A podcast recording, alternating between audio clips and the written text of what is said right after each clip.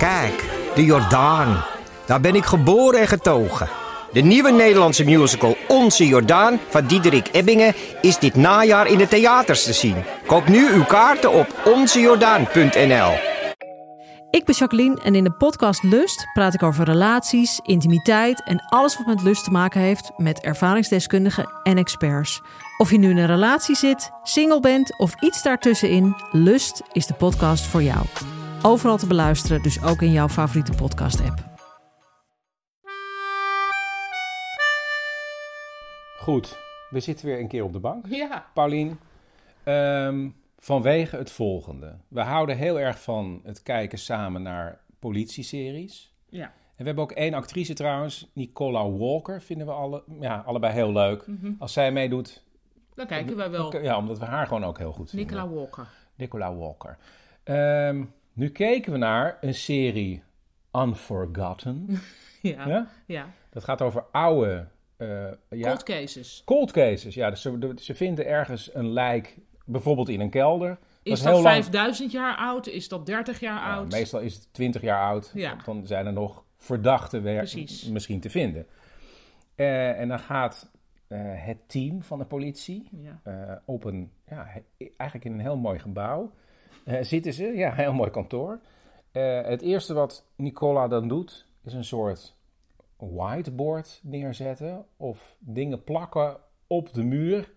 Ja. Ja, jij kijkt me even. Ja. Ja, of is het een kurkbord? Nou ja, het is zo'n bord waar ze binnen no time foto's van alle verdachten Ja, hangen. precies. Een plattegrond van Ik de denk een omgeving. whiteboard, want dan zetten ze er ook dingen bij van suspect, Precies, allemaal. En binnen no time allemaal Vol. pijlen, pijlen. woorden, Ja. eh, locaties op foto's. En wij hebben heel veel series gekeken. En elke keer is dat bord er. Ja. En op een gegeven moment zei ik... Het is niet waar, dat bord. Ja. Ik kan me niet voorstellen dat dat... Misschien ooit was, was dat wel zo, maar nu is dat niet meer zo. En toen dacht ik, nou ja, misschien ook wel. Want bijvoorbeeld binnen de wereld van het interior design heb je toch ook vaak Het een moodboard. Het moodboard. Dus is het niet een soort moodboard of zo? Dat je toch visueel, dat dat toch helpt bij... Dat je niet alles in een computer kan hebben, maar dat je het ook even echt voor je moet zien. Ja, oké. Nou, vervolgens, dus ik was... Ik zei, nou, ik geloof het niet. Jij zei, ik geloof het wel. Ja, of het zou kunnen. Dat zou kunnen. Vervolgens hebben we het onder onze vrienden een beetje gepeild. En dan Ja. blijkt het zo 50-50. Ja. Dat is interessant. Dat is interessant. En toen dacht ik, Ik Facts. Facts. ik bel de politie. ja, precies. Nou, ik heb de politie gebeld of er iemand is die kan zeggen of dat zo is of niet zo is. Namelijk iemand die zelf dat soort onderzoeken doet. Hallo met de politie. Precies.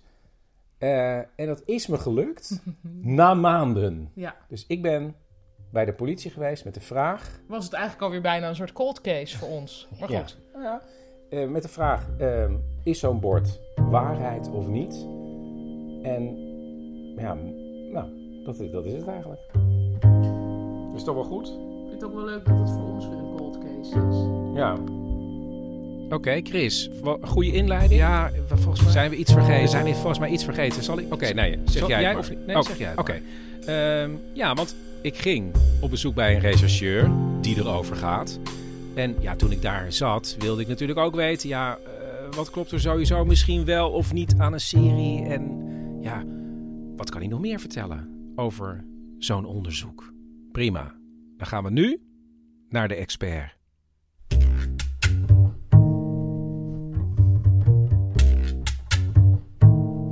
Nee, ik ben eh Ton. Ik ben eh, teamleider van een TGO-team. Dat is een team grootschalige opsporing.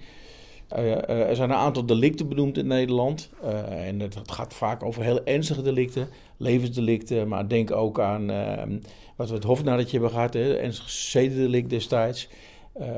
Peter de Vries, wat eigenlijk een, een qua zaak een relatief, relatief er gekregen bij, als zaak relatief eenvoudig is, maar dan toch door de media een enorm beladen zaak wordt. Dus ook beladen zaken worden TGO's. Dus het gaat eigenlijk altijd om ernstige misdrijven, waar op lange gevangenisstraffen staat, of die heel mediagevoelig eh, liggen of complex zijn. Eh, rellen hebben we bijvoorbeeld ook gedaan. Ton van Team Grootschalige Opsporing is natuurlijk de aangewezen persoon voor mijn vraag. Ja, Ik zat met mijn vrouw te kijken naar een politieserie. Want we- dat vinden wij, ja, daar worden we rustig van. Ik weet niet waarom eigenlijk, maar... En we zijn ook heel gek van één actrice. Die heet Nicola Walker. En die komt ook in heel veel series voor. Dus dat is voor ons heel fijn, want we kunnen heel veel series kijken. En we keken Unforgotten. Dat zijn oude zaken die worden opge, ja, opgehaald eigenlijk. Dus er worden oude lijken min of meer gevonden. En dan ehm, ja, wordt daar een zaak van gemaakt. En in elke aflevering of in elke serie zie je zo'n wit bord met pijlen en kaarten en foto's. En volgens mij na serie 6 zei ik tegen mijn vrouw... Ja, ik geloof, ik geloof het gewoon niet. Ik geloof niet dat het zo werkt. Ik denk dat het door film en televisie zo is ontstaan... dat het veel handiger is voor een kijker om naar beeld te kijken. En het is een soort cliché geworden om een bord op te hangen op een afdeling met pijlen. En ik moet vooral altijd lachen, nou, inmiddels, om de plattegronden. Ik denk van ja, hoezo? Moet je weten hoe de straten liggen? Dat, ja, dat, nou, dat weet je toch wel. Dus ik denk dus dat het niet zo is. Inmiddels. Ik wil wel geloven dat het ooit zo begonnen is, maar ik denk niet dat het zo is. Dus het is een spannend moment voor mij, Tom. Ja, ik, eh, ik, ik had een spannend moment. eh. jij, jij hebt gelijk. Oh, yes. Wat jij zegt is zo, hè. Eh, je ziet, ik kijk ook heel veel series. Want ik vind het voor mij is ook ontspanning. En dat betekent dus dat ik, als, het- als het echt zou zijn allemaal, dat ik naar mijn werk zou zitten te kijken. Maar voor mij is het ontspanning. Dus in dat opzicht ehm, eh, zie je wel vaak, een, het, het witte bord is niet het enige. Hè. Vaak zijn er ook wel glazen borden trouwens. Eh, maar je ziet wel meer dingen in die series die, eh, die iedere keer terugkomen. eh, die totaal bezijden de waarheid zijn. Maar een goede serie, en soms zijn Nederlandse series wel goed, hebben vaak contact met onze mediaafdelingen en doen, doen vooral veel vooronderzoek. En daarin herken ik wel dingen dat ik denk van nou, dat is eigenlijk wel goed, goed neergezet. Dus er zijn wel series die meer kloppen, maar eigenlijk als je het over de grote breedte neemt, klopt er geen één. Maar, maar wat gebeurt er dan in het echt? Ja, nou, wij, wij werken heel erg eh, volgens een, een, een gestructureerde methode, zeg maar. Wij lopen altijd een bepaalde, bepaalde stappen af. Het is, het is echt niet zo dat iemand eh, eh, met zo'n zaak aan de gang, die, dat hij gaat bedenken hoe hij het dan gaat oplossen. Wij werken eh, gestructureerd. Ehm, en we hebben best wel, eh, we hebben best wel borden eh, eh, hangen waar we dingen op hangen. Maar er hangen ook roosters op. Er hangt vaak bij ons een foto van het slachtoffer op, omdat we het slachtoffer een gezicht willen geven. En we willen weten voor wie we het doen, hè, over het algemeen. En het maakt mij niet uit of, of een, gewoon iemand vermoord wordt of een crimineel vermoord wordt. Die hebben allemaal familieleden. En wij, wij doen onze onderzoeken voor de nabestaanden. en uiteraard voor de maatschappij, maar uiteindelijk voor de nabestaanden. Dus we willen vaak iemand een gezicht geven. Eh, eh, soms wordt er wel eens een klein schemaatje opgehangen. Maar die schema's die worden gemaakt in een, eh, in een softwareprogramma. Oké, even vanaf het begin. Er is een misdaad gepleegd. En dan? Ja, we hebben een plaatsdelict, zoals we dat noemen. Ja. Nou ja, laten we hem heel simpel houden. Er wordt iemand om het leven gebracht. Die treffen wij aan. Of, of, het, of, of, of het gebeurt, hè, iemand wordt neergeschoten. Dat is een plaatsdelict, zeg maar. Die behandelen we eh, forensisch, technisch en tactisch. eh, eh, be- behandelen we die. Dus we gaan vooral op, zich naar, op zoek naar sporen. We gaan natuurlijk op zoek naar de identiteit van degene. Want als iemand wordt neergeschoten, dan weten we niet wie het is onmiddellijk. Dus we moeten die identiteit achterhalen. Maar we hebben ook een, altijd dilemma's van... ik wil altijd snel, maar ik wil ook bewijs vinden. Dus op het moment dat ik... eh, en dat, is- dat is altijd wel mooi in series die je ziet. Dan zie je de regisseur, die komt eraan. Dan zie je mannen met witte pakken lopen. Die lopen nog foto's te maken. En de regisseur die loopt gewoon met zijn grote schoenen. Loopt hij de PD op. Die gaat nog even het lijk... onder dat lijn. Ja, die gaat het lijk nog even door, eh, eh, eh, eh, eh, eh, betasten en kijken van, ah, is hij wel dood en heb je wat in zijn binnenzak. Dat is totaal bezijden de waarheid. Wij, wij werken met een echt een forensisch proces, waarbij we ringen maken, we werken van buiten naar binnen, heel erg gericht op het, eh, op het vastleggen van sporen. Dat moeten we ook volgens die methode doen, want als we dat niet op de goede manier doen, het allemaal, gaat allemaal over certificering en over, over normen die we moeten hebben. Dan krijgen we achteraf bij een rechtbank en terecht eh, krijgen we te horen van ja, heb je het nou goed, niet goed gedaan? Want als ik, als ik zo'n PD oploop Eh, en ik neem jou mee, want je loopt bij ons stage. En ik neem, neem nog een collega mee. En we gaan met dan heb je contaminatie van sporen. Dus dat betekent dat er dat DNA-sporen eh, veel complexer worden om te onderzoeken. Dus wij, wij werken echt systematisch die PD af. Maar zo'n rechercheur uit zo'n serie, dus als het echt zou zijn geweest... Die rechercheur loopt ook altijd meteen onder zo'n eh, rood-wit lint door, hè? Ja. Nou, dat gebeurt dus nooit. Eh, er zijn vaak meerdere linten. Eh, je hebt dus een, een- wat we noemen een buitenring. Die worden, eh, eh, er wordt een lint neergezet. En dat is vaak een hele grote afzetting. Mijn grootste afzetting is op het Leidseplein geweest bij een schietpartij. Toen is het hele Leidseplein in de linten gezet. Die was wel grappig. Eh, die wel onmiddellijk wel verkleind hoor, overigens. En dan krijg je een soort binnenring waarin je sporen verwacht. En die binnenring kom ik ook niet op. Dus, en ik, en ik zodat het die, daar een afzetting is. En niemand komt daarop, buiten een collega in een wit pak. En diegene in het witte pak gaat ook niet zomaar. Die gaan eerst een plan maken. Hoe gaan we het aanvliegen? Wat, wat, wat zien we nou feitelijk? Eh, eh, op, op welke manier gaan we dit, dit, deze PD, zien we nog sporen? Ehm, stel dat ik een telefoon naast het slachtoffer zie liggen. eh, als het op straat gebeurt, heb ik ook voorbeelden van. Dan zeg ik wel tegen zo'n forensisch team vaak van... jongens, ik wil wel snel die telefoon hebben, want die telefoon kan mij informatie verschaffen over de identiteit, over de laatste afspraak, noem maar op. Dus dan, dan, dan maken we de keuze om, om de PD weer anders aan te vliegen, zeg maar. Een, PD in een woning is weer heel anders. Als je een heel klein woningje hebt, dan gaat gewoon die woning in eerste instantie op slot. Want dat is veel complexer eh, eh, en veel kansrijker qua sporen dan als je op straat eh, in de regen staat, bij wijze van spreken. Super interessant. Dus eigenlijk is het denk ik vele malen complexer. eh, eh, en dus dat is ook niet te verfilmen. Eh, het is ook niet te verfilmen. Kijk, in, in, de, in, een serie, om, dat, om toch even die link weer te maken, dan heb je, dan heb je een aantal. je hebt altijd een, één of twee regisseurs. Die, zijn, die doen het altijd met z'n tweeën. Die hoeven nooit te tikken, overigens. Hè, wij, wij, wij, stoppen veel tijd ook in het opschrijven van wat we doen. We moeten alles wat wij doen, moeten we opschrijven. Ook als we geen resultaat hebben, schrijven we het op. Dan hebben ze altijd een baas eh, waar ze ruzie mee hebben. Ze hebben altijd een baas met ruzie. Ik heb eigenlijk nooit ruzie. Wij doen het als team samen. Maar dat, dat, dat- ja, je moet een baas hebben en dan moet die regisseur moet eigenwijs zijn. En die hebben ook altijd achteraf gelijk. En, en, ja, en De baas heeft nooit gelijk. die baas heeft nou, en die moet achteraf altijd zeggen van nou oké, weet je, of hij wordt ontslagen of, eh, of ze krijgen toch weer, gaan elkaar toch weer knuffelen of zo. Maar in principe, in principe hebben wij dat niet. Terug naar de crime scene. Ik stel me voor, er is één iemand in een wit pak. Die is met een kwastje bezig op zoek naar bijvoorbeeld vingerafdrukken. Er is één iemand die maakt foto's. Is dat dat? Nee. Nee? Dat is ook fout. Nee, die, die, die, die, die forensische opsporing die komt daar, die zet een unit neer. En die komt daar ook met een team. En die komt daar met twee, afhankelijk van de PD, misschien soms vier, eh eh forensische regisseurs. Er zit een forensische coördinator op. Die, die, eh, die forensische coördinator noemen we plaatselijk coördinator. Die coördineert. Ik geef als teamleider leiding aan coördinatoren. Dus ik geef leiding aan de forensische coördinator, de tactische coördinator, de Jij informatiecoördinator. staat op dat moment aan de top Ja, van ik ben, ik ben eigenlijk leideronderzoek, zeg maar. Dus ik... eh, eh, maar Jij stuurt iedereen aan.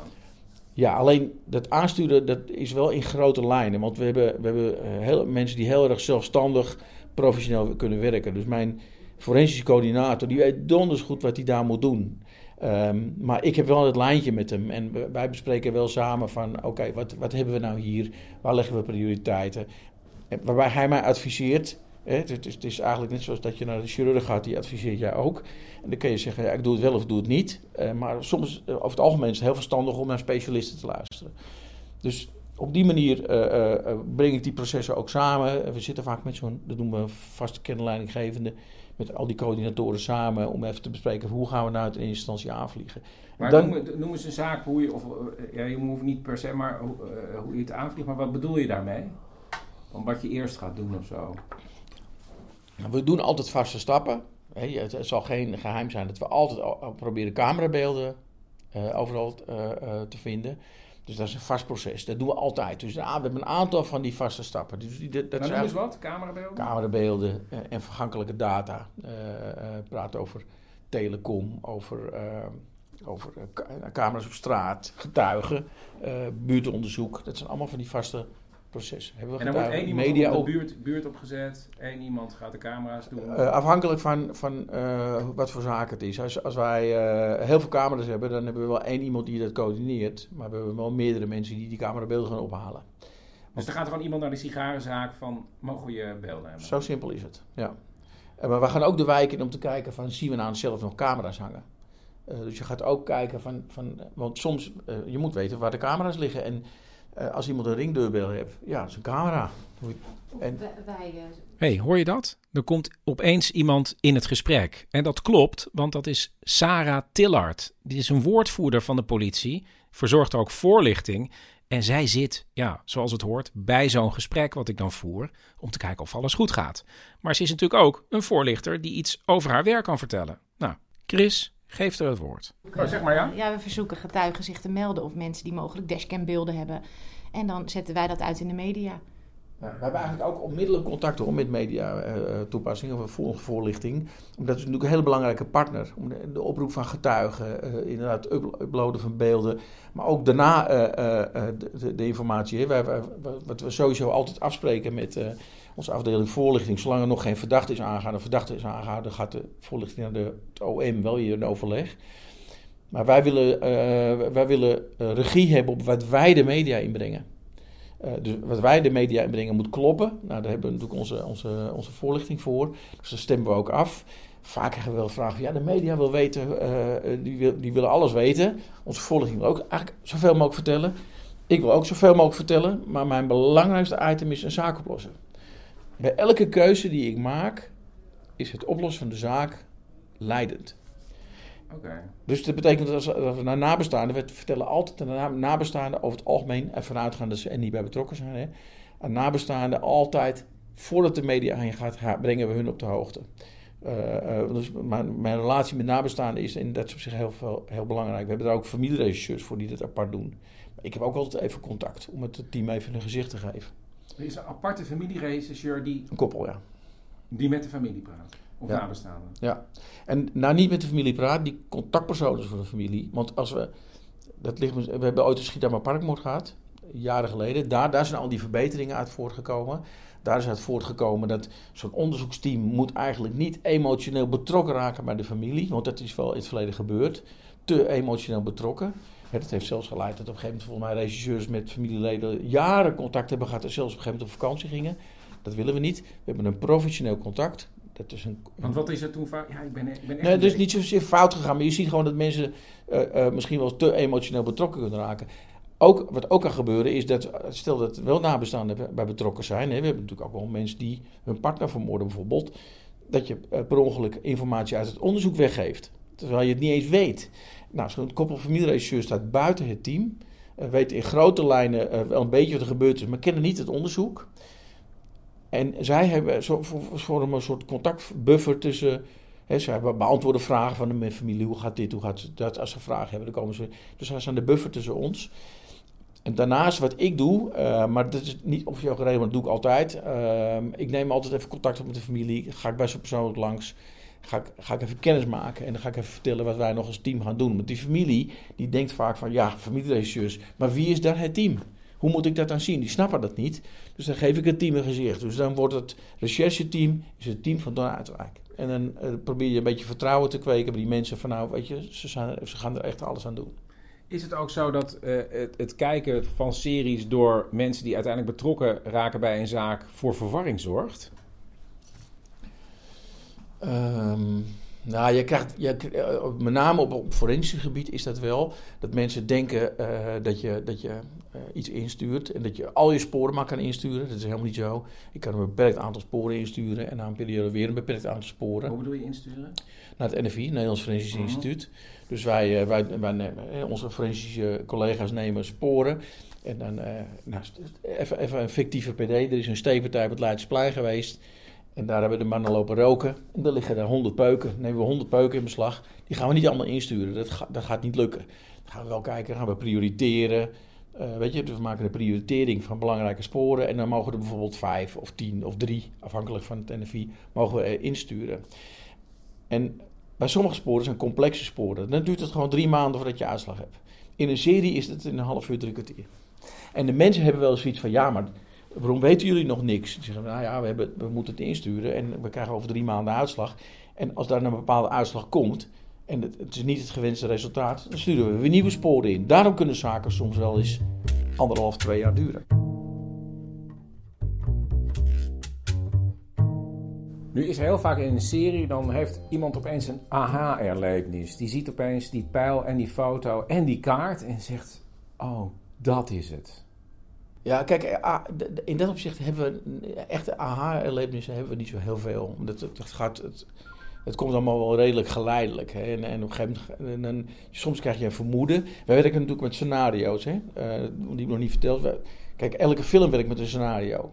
En, um, en een scenario kan uit een maximaal aantal scènes be, bestaan. Dus heb je een aantal, aantal scènes altijd. En een van, van, de mooiste die ik heb leren kennen, want ik heb een collega van de Fotofilmacademie heb die gedaan, die werkt bij mij. Dat is de Red Herring. Ken je die, de Red Herring? Ja, ja. Nou, dat is het, het, het, het dwaalspoor. Het, het, is natuurlijk prachtig. Je fietst iets in, je, iedereen denkt, die heeft het gedaan, maar die hebben het natuurlijk niet gedaan. Uh, nou, zo heb je dus in, in een scenario heb je allerlei scènes. Wij werken ook met die scènes eigenlijk. En dan zeggen we van, nou, wat, als we alle, alle scènes die voor ons van toepassing zijn op een rijtje hebben, dan hebben we het verhaal compleet. Uh, en dan maken we een aantal scenario's. Uh, dat doet een, een, een tactisch analist. En dan zeggen we van nou, uh, als we nou alle scenario's uitsluiten op één na, dan hebben we het goede scenario. En dan kunnen we. Maar jullie werken gewoon eigenlijk als een soort filmmakers, in, filmschrijvers. In, in dat opzicht zou je het kunnen zien. Alleen de filmschrijver schrijft een scenario en wij halen een scenario uit de feiten. Die willen ook, hè, ik zeg, we, we, hebben natuurlijk altijd over tunnelvisie gehad. Uh, daar is in het verleden heel veel in misgegaan. Ik wil tunnelvisie. Ik wil tunnelvisie. Want als ik geen tunnel. Ik wil naar de overkant van het water. Dus en als ik naar de overkant van het water wil, moet ik door de tunnel. Ik zeg alleen al tegen collega's: ik wil in een tunnel met ramen. Dat ik naar buiten kan kijken of ik in de juiste tunnel zit. Nou, die tactische analist die maakt die scenario's. Dat zijn allemaal tunnels. En die, die probeert al die tunnels weg te klikken. Dus dat we in de juiste tunnel zitten. Tijdens het gesprek herinnert Ton zich opeens iets wat toch wel een soort van aha-erlevenis zou kunnen zijn. Um, ik, kan, ik kan er nog wel een eentje. We hebben, ik kan er wel eentje vertellen, denk ik. Um, op een gegeven moment is er iemand uh, om het leven gekomen bij een brand. Um, en het bleek achteraf, uh, die, die, die, die, was ook behoorlijk in elkaar uh, geslagen. Die had echt veel letsel. En die, die woning was behoorlijk in de brand gegaan. En uiteindelijk uh, zijn we proberen erachter te komen. En zijn we zijn er allemaal achter gekomen, maar we zaten nog met bewijs.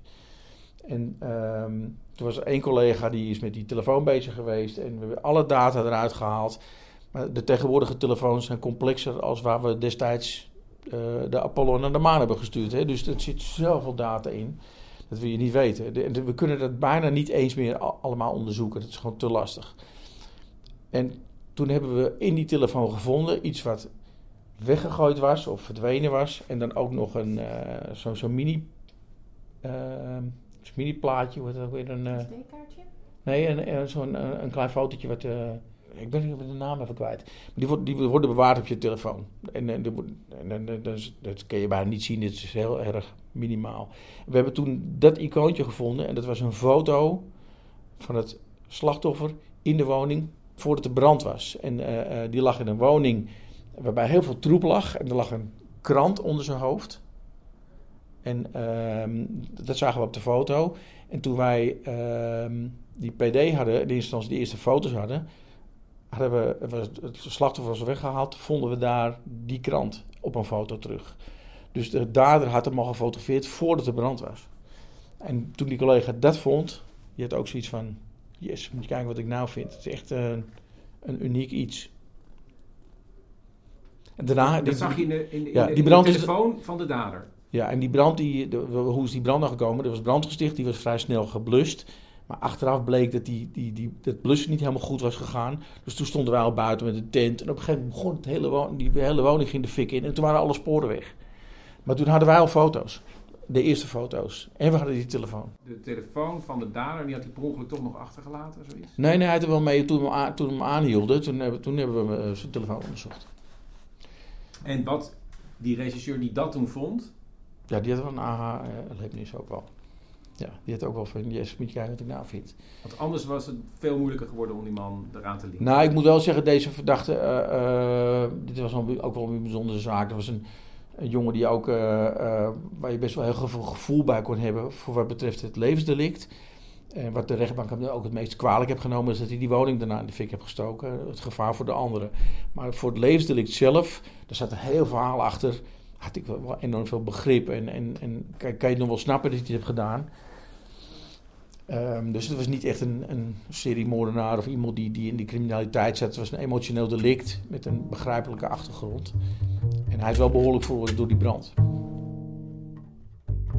We gaan weer even kijken wat er nog allemaal meer niet klopt in de series die we zien. Um, nou, wat ze altijd doen, daar, ben ik, daar moet ik altijd heel erg om lachen, is dat ze in hun eentje iemand volgen op een meter of 50 en dat over een afstand van 50 kilometer. En dan wordt het niet eens opgevallen.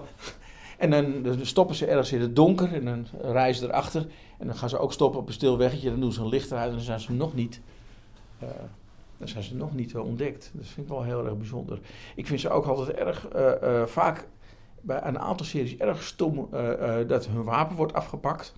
Dus ze worden neergeslagen en dan wordt een wapen. En dan gaan ze ergens naar binnen en dan worden ze overvallen. Want dan gaan ze vaak nog in een eentje of met z'n tweeën. En dan worden ze van achteren en dan wordt het wapen afgepakt. Ze worden neergeslagen en dan rent degene altijd weg. Dat gebeurt bij ons niet.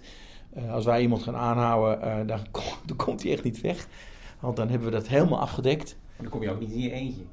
Dan komen we niet in ons eentje, want maar met, we, met een arrestatieteam. Van? Ja, dat vind ik ook altijd zo mooi. Dat je het arrestatieteam, dan wordt er een arrestatieteam ingezet. Allemaal een helemaal helmen, kleding en die gaan duwen. En daarachter lopen dan de rechercheurs zo naar binnen. Ja. Nou, dat gebeurt ook niet.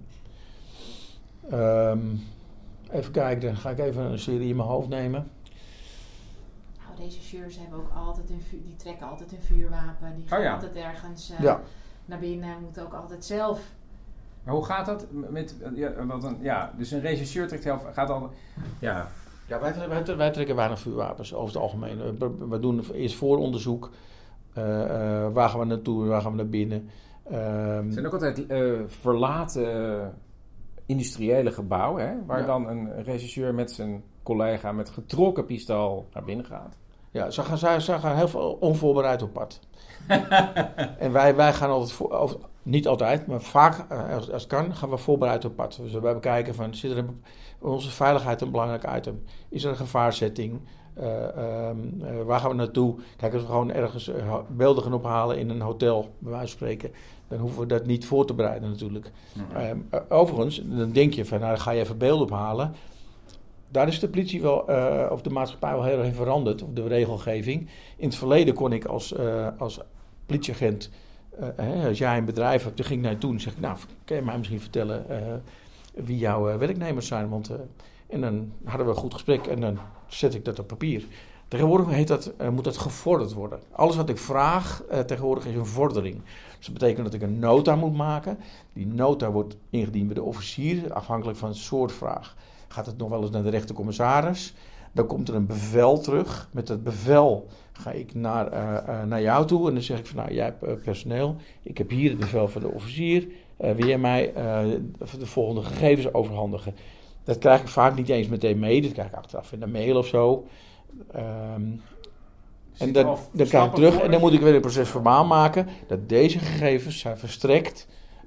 en nou, dan heb je het alleen over het simpele, het, het opvragen van personeelsgegevens van een bedrijf.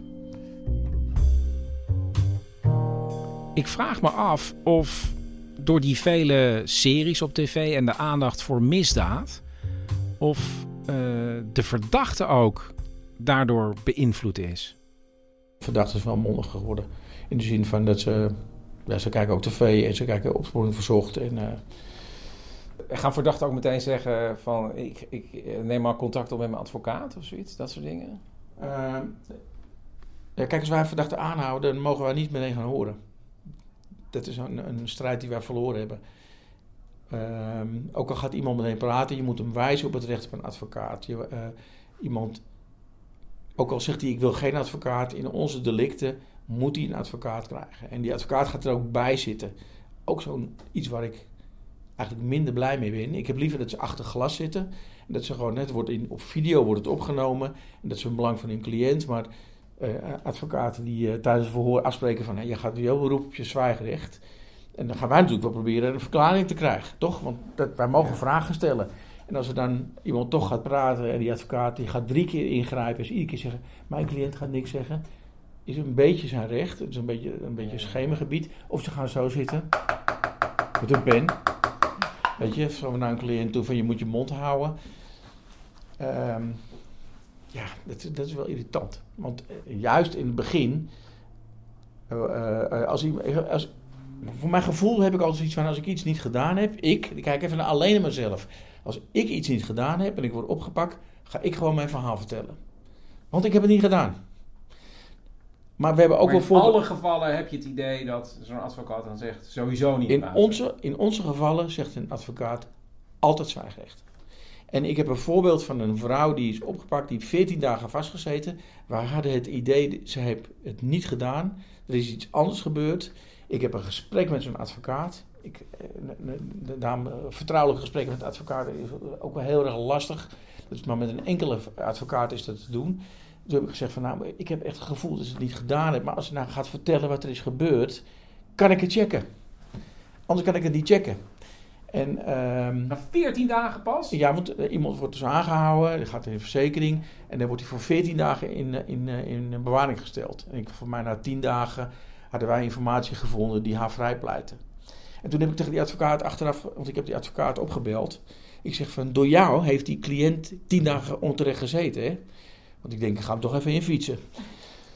En toen zei die advocaat van, ja, maar eh, ik weet niet of een cliënt in het begin tegen mij de waarheid vertelt. En de, de, het belang van een cliënt is voor mij heilig. En als hij het wel gedaan zou hebben, dan is zwijgrecht eh, iets eh, waar je het verste mee komt in het begin. Tot slot vraag ik me af hoe Ton ja, ooit als rechercheur bij de politie is beland. Ik ben eigenlijk broodbanketbakker. eh. Ja, ik ben, ik ben eh, broodbanketbakker. Ik begon als broodbanketbakker. En toen werkte ik, ik ben zes jaar bakker geweest. Ik heb toen allemaal diploma's gehaald. En eh, toen werkte ik op een gegeven moment met een, een eh, bakker die ook bakker was geweest. Die werkte inmiddels bij de politie. Die kwam af en toe een dagje werken nog. Eh, heb ik het over de jaren eh 70. Ja, ja, de jaren 70, ja. En die, die werkte af en toe een dagje en die vertelde allemaal van die mooie verhalen. En toen ging de militaire dienst in. En toen dacht ik van, nou, wil ik nou mijn hele leven overdag slapen en s'nachts brood bakken? Wil, wil ik zo mijn gezinsleven ook in de toekomst doen? Dacht ik, nee, dat wil ik niet. Toen dacht ik van, nou, dan word ik of buschauffeur of ik ga bij de politie. Nee, de politie leek me leuker en daar werd ik aangenomen. En kan je nog, bak je af en toe nog brood? Dat vragen heel veel mensen. Eh, br- brood af en toe nog wel eens een keer, ja. Eh, maar banket niet. Want dit is wel leuk om te vertellen. We hadden destijds Luxeflex. En toen werd er tegen mij gezegd van... Ton, kun jij... eh, ik, volgens mij moest ik croissants of appelbeiers maken. We hadden ze gevraagd. En in een bakkerij heb je een hele grote werkbank. En dan neem je een hand meel en dan noem je dat stuiven. Dan doe je dit met je hand zo. Dat kunnen de luisteraars niet zien. Maar je gooit als het ware dat meel naar zo'n bank. En dan krijg je een soort vaas van meel over je werkbank heen. Wat heel prettig werkt. Maar dat staat bij ons dus in de Luxeflex. Eh, dus sindsdien heb ik een verbod gekregen om op die manier te gaan werken. Toen zeg ik, ja, maar ik ga niet, ik ga niet als een amateur werken. Of ik doe het goed of ik doe het niet. En je hebt de goede spullen vaak niet, goede grondstof. Mis je het bakken? Nee, nee ik heb veel mooie vak. Hoewel, in de bakkerij heb ik ook heel leuk, eh, leuk gewerkt. Maar ik heb overal leuk gewerkt, dus gewoon heb je met je instelling te maken. Ik vond zelfs vakken vullen in de HEMA vond ik leuk. Hoe, eh, het is gewoon een instellingsdingetje.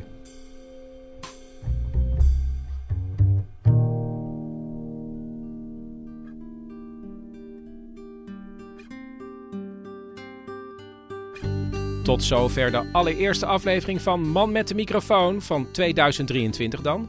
Ehm, ja, en ik ben over twee weken weer terug. Ik ga proberen elke twee weken iets te doen.